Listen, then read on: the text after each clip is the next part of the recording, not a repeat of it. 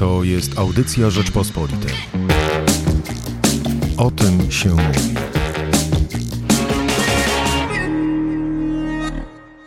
Dzisiaj porozmawiamy o pracy.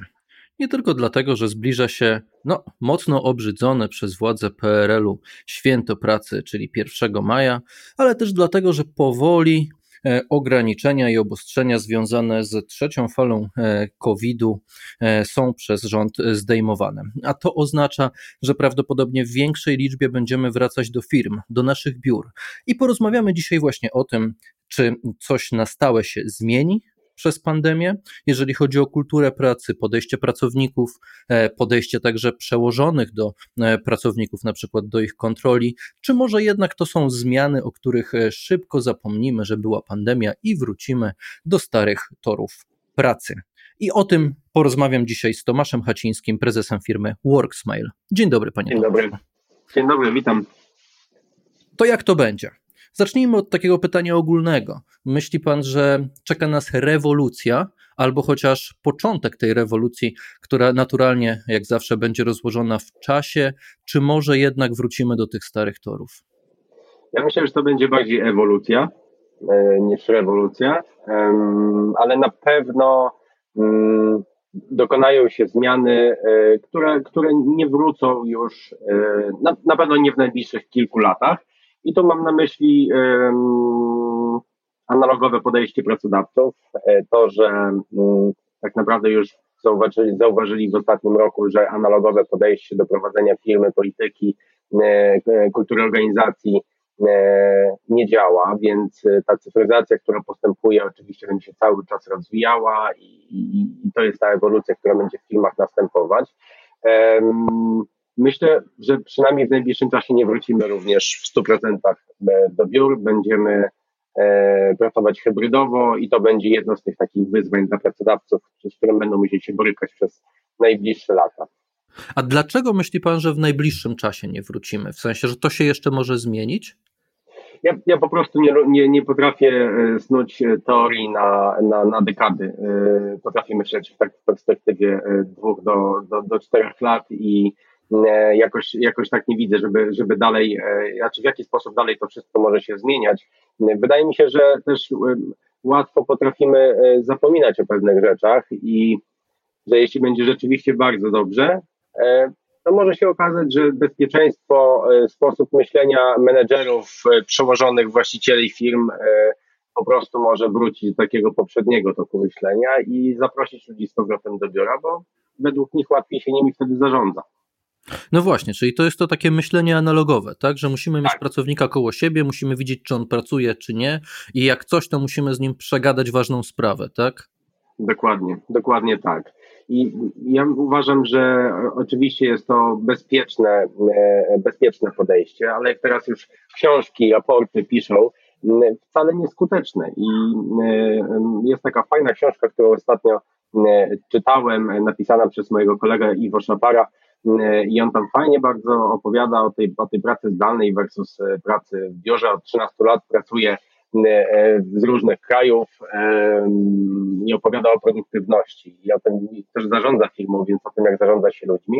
No i właśnie porównuje e, efektywność zarządzania w biurze, kiedy są kawki, spacerki, łatwo się rozproszyć, bo ktoś puka do drzwi, zada pytanie, które nie było planowane, E, i później 15 minut wraca się co najmniej do, do swoich poprzednich myśli. Myślę, że gdyby każdy pracodawca wszedł w, tak, w taki tok myślenia jak ma Iwo i e, popatrzył troszkę na dane związane z produktywnością, to jednak e, może podejmowałby decyzję o zostawieniu pracowników zdalnie lub hybrydowo. Ale to panie Tomaszu, ja dopytam, to e, oznacza, że problem jest tak naprawdę w głowach e, ludzi, którzy zarządzają pracownikami, problem jest w mentalności kadry kierowniczej. To są nasze największe wyzwania na najbliższe, najbliższy czas? Myślę, że od tej mentalności się wszystko zaczyna, bo, bo tak naprawdę to, to mentalność osób zarządzających e, buduje kulturę organizacji, jej strategię i to w jaki sposób ta organizacja ma prosperować. Jeśli osoby zarządzające mają otwarte e, głowy na zmiany i nie, nie czują tych granic związanych chociażby z tą pracą e, w biurze versus praca e, zdalna czy hybrydowa, e, mogą przynajmniej częściowo przekonywać się do dokonywania zmian. Ja nie mówię, żeby robić tę zmianę z dnia na dzień, zostawmy wszystkich e, zdalnie i radźmy sobie jakoś, ale małe kroki, które mogą pozwolić na weryfikowanie, czy inna strategia dla naszej firmy może być dobra. I myślę, że tą weryfikacją jest weryfikacja poprzez ustalenie firmy jako pracującej hybrydowo. My tak robiliśmy jako spółka i przykładowo zaczynaliśmy od prostych kilku dni i najpierw jeden dzień, dwa, trzy, później już zmieniliśmy całkowicie na tryb zdalny z możliwością powrotu do biura na jeden dzień w tygodniu, e, ale weryfikowaliśmy, co nam działa, bo my też się tego uczyliśmy i trzeba było się na to otworzyć. Ja nigdy nie byłem zwolennikiem pracy zdalnej, byłem raczej takim gościem, który uwielbiał przed wszystkimi przyjść do biura i po, wszystkimi, po wszystkich e, wyjść z tego biura. Mm, a teraz tego nie robię. Sam pracuję aktualnie e, z Teneryfy i jeszcze trzy tygodnie tu zostanę. Ale żebyśmy lepiej zrozumieli, po co nam właściwie ta praca hybrydowa? Bo kiedy e, uda nam się rzeczywiście tą jakąś e, odporność społeczną osiągnąć, wszyscy będziemy, albo duża część z nas będzie zaszczepiona, e, fale koronawirusa nie będą wracać, to chyba nic nie stoi na przeszkodzie, żebyśmy wszyscy do biur wrócili. Dla, co, jak ma, jakby, dlaczego pracodawcy mieliby brać pod uwagę w ogóle pracę hybrydową? Czy to jest skuteczniejsze, czy może to jest bezpieczniejsze? W jaki sposób w ogóle do tego podejść? Czym to się je? Już nawet nie myśląc o bezpieczeństwie dla pracownika, bo tak jak założyliśmy, że czasy będą dobre, wszyscy się zaszczepimy, wirus o nas zapomni, my zapomnimy o wirusie, mm, więc bezpieczeństwo nie, nie, nie, nie jest tym e, elementem, o którym chcemy tu rozmawiać. Myślę, że e, e, bardziej wprowadzenie czegoś świeżego do organizacji, to sprawi, że pracownik będzie szczęśliwszy, bo ja mówię tutaj o tym cały czas, tutaj, o, to, to dla mnie taką, takim podłożem jest ten well-being pracownika, który często już w tym biurze jest znużony, wypala się, zrobił swoje obowiązki do 15, ale do 18 musi ten zegarek tam od, odklepać i, i kartę przybić i wyjść z biura, chociaż przez trzy ostatnie godziny nic nie robił. No i możemy zaufać temu pracownikowi. E, mówię zaufać w cudzysłowie, no bo oczywiście określamy jako pracodawcy cele KPI, OKR i wszystkie inne wymagania, jakie, jakie do nich mamy.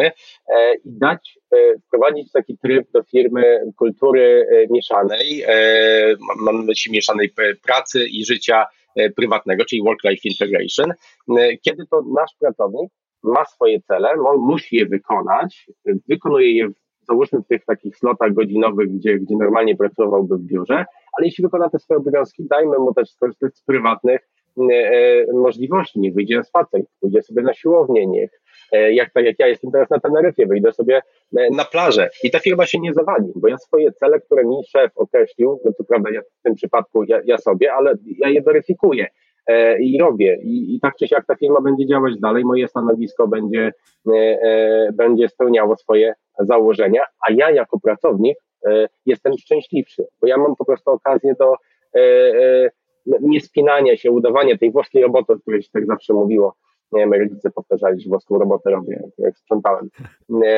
to, to, to jest tak, że jesteśmy, możemy być szczęśliwsi. Jak będziemy szczęśliwsi, będziemy produktywniejsi. Nie będziemy myśleć o odejściu od tego pracodawcy, o zmianie, o zmianie otoczenia, bo, bo jednak to otoczenie będzie atrakcyjniejsze. I myśli pan, że rzeczywiście e, pracownikom ten eksperyment z pracą zdalną w miarę się e, podobał? Mamy jakieś dane, jakieś, nie wiem, badania, które pokazują, jak my sobie psychicznie w tych czasach radziliśmy, czy może nie ma co patrzeć na to, jak było w przeszłości, bo w przeszłości to pandemia, koronawirus, nie byliśmy przygotowani, ale możemy jeszcze tą równowagę w domu osiągnąć? Myślę, że możemy, ale to jest praca po dwóch stronach. To jest i praca mm, po stronie pracodawców, czyli tak naprawdę moim zdaniem pracodawcy będą musieli się zastanowić nad, albo nad uruchomieniem nowych stanowisk w organizacjach, albo nad wsparciem konsultantów firm zewnętrznych czy narzędzi zewnętrznych, które będą im pomagać e, wprowadzać pracowników e, ten tryb pracy hybrydowej i radzenie sobie w nim od strony mentalnej. No bo jak wiemy, no przykładowo w 2020 roku tam prawie 300 e, milionów dni e, e, zwolnień lekarskich pracownicy w Polsce wykorzystali, to, to przecież to jest około 25 miliardów, milionów zaświadczeń lekarskich, które zostały wystawione, ale też jest bardzo ciekawe to, że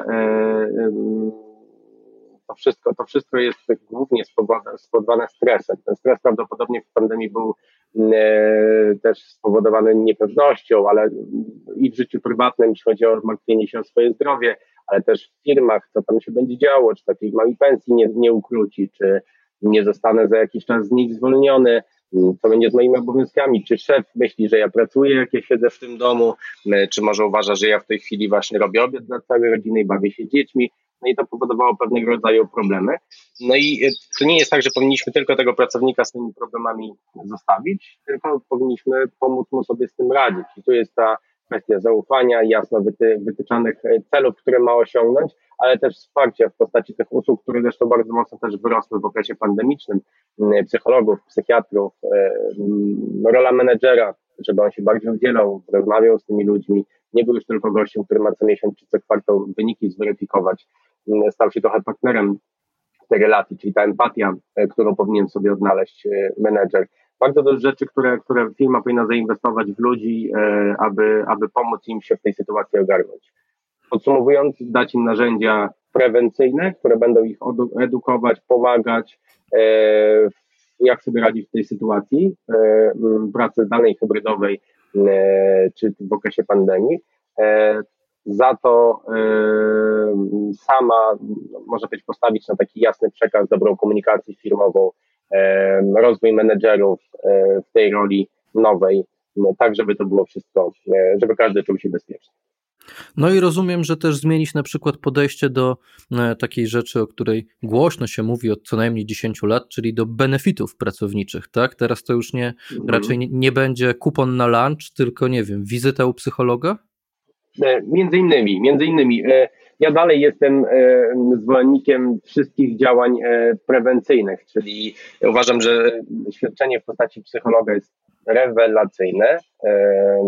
Uważam, że to musi być oczywiście dobrze skomunikowane do pracowników, e, że jest to w pełni anonimowa usługa, no bo pracownicy będą się bali, że ich pracodawca albo menedżer wie, że oni mają jakieś tam problemy czy wyzwania, no i znów będzie kolejny, zamiast być lepiej, to będzie gorzej, bo będą się stresować, że ktoś ich wyrzuci, no bo przecież oni mają problemy.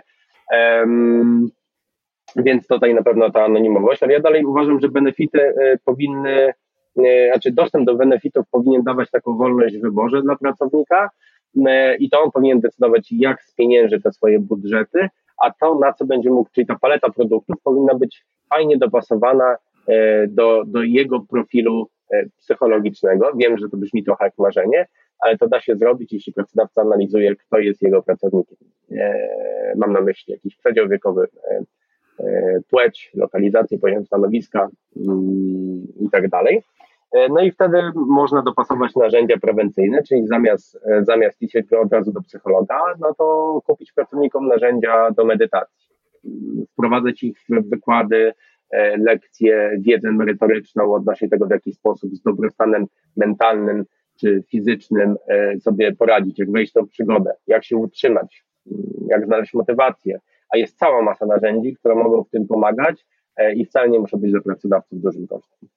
No, z tego, co Pan mówi, to wynika, że e, otwiera się całe nowe pole, nowy wymiar e, walki o pracownika, że teraz e, pracownicy będą mogli patrzeć na firmę, która jest bardziej nowoczesna, lepiej dostosowana do nowych czasów, w, których, w której z tych firm będzie mi się lepiej pracowało w postpandemicznych e, czasach. Myśli Pan, że rzeczywiście e, ta rekrutacja teraz pracownicza będzie tak wyglądała, że, że firmy będą musiały się zaprezentować właśnie od tej nowoczesnej strony, pokazać, jak dostosowaliśmy się do tych czasów? Ja głęboko w to wierzę. E, w ostatnich tam kilku latach cały czas mówiło się o rynku pracownika, że to rynek e, pracownik teraz rządzi, tak naprawdę to on wybiera, e, do kogo pójdzie, kiedy nie pójdzie, jest tak dużo ogłoszeń, tak mało dobrych kandydatów, że to pracodawca pracowników będzie walczył. Ja myślę, że teraz tej takiej super walki o pracownika może już nie będzie, ale nie będzie też problemu związanego z poszukiwaniem pracy. E, i pracownicy będą właśnie patrzeć na to, co jest oferowane w pakiecie zatrudnieniowym. E, oczywiście będzie bardzo ważne bezpieczeństwo, stabilna podstawa, e, zatrudnienie. Pewnie jeszcze bardziej umowa o pracę będzie, będzie przez pracowników preferowana, bo jest oczywiście stabilniejsza. E, no i będą patrzeć na ten pakiet benefitów. Kiedyś patrzyliśmy, czy firma ma e, kartę sportową. Ja sam z doświadczenia wiem, ilu pracowników pyta, e, na, na, czy macie kartę sportową. No teraz może wcale już nie będą pytać o tą kartę sportową, a to właśnie z jakich benefitów dających im pewien rodzaj bezpieczeństwa, też, też oczywiście atrakcji wewnątrz organizacji będzie oferował pracodawca. I ci, którzy będą, będą atrakcyjniejsi, będą oczywiście mieli lepszych kandydatów, ale nawet nie skupiałbym się na samej rekrutacji, a na utrzymaniu pracownika. I to jest moim zdaniem ta jedna rzecz, która jest e, bardzo ważna. No bo jeśli będziemy mieli, e, mamy załóżmy, jesteśmy firmą logistyczną, mamy gdzieś biuro pod Wrocławiem e, z całą logistyką, obok jest kolejna firma logistyczna, no i my nic nie robimy dla tych pracowników naszych. Dajemy im średnią rynkową, jeśli chodzi o podstawę, z benefitów, no to mają tam ubezpieczenie, które pokrywają z pensji, no i tyle w sumie, tak? Nie angażujemy menedżerów, nie ma za bardzo takiej kultury wdzięczności, nie doceniamy tych pracowników. E, za to obok się stworzył nowoczesny pracodawca, e, potrzebuje aktualnie 200 osób nowych do firmy i on daje wszystko. Daje lekarza, psychologa, aplikacje do medytacji, grywalizację, zabawy, sport i, i, i różnych fajnych menedżerów, którzy rozumieją potrzeby pracowników. I płaci tyle samo. No, jest proste, tak, że łatwo do takiego pracodawcy przejść, bo po prostu u niego będzie fajniej. Bo jeśli my jako pracownicy mamy zagospodarowany ten podstawowy byt i ta pensja starcza nam na takie fajne, e, normalne życie, e, no to my już nie szukamy tylko pieniędzy, tylko szukamy kultury organizacji, pokoju, przyjaznej atmosfery, tego, co będzie sprawiało, że, na, że będzie chciało nam iść do pracy po prostu. No, ja mam nadzieję, tak słuchając pana, że, że, że rzeczywiście tak będzie ten świat wyglądał, bo brzmi to w miarę optymistycznie, nie ma pan wrażenia? Ja w życiu staram się być optymistą. Oby tak było. Oby praca postpandemiczna wyglądała tak, jak widzi ją Tomasz Haciński, prezes firmy WorkSmile. Bardzo dziękuję. Ja również dziękuję. Słuchaj więcej na stronie podcasty.rp.pl. Szukaj Rzeczpospolita Audycje w serwisach streamingowych.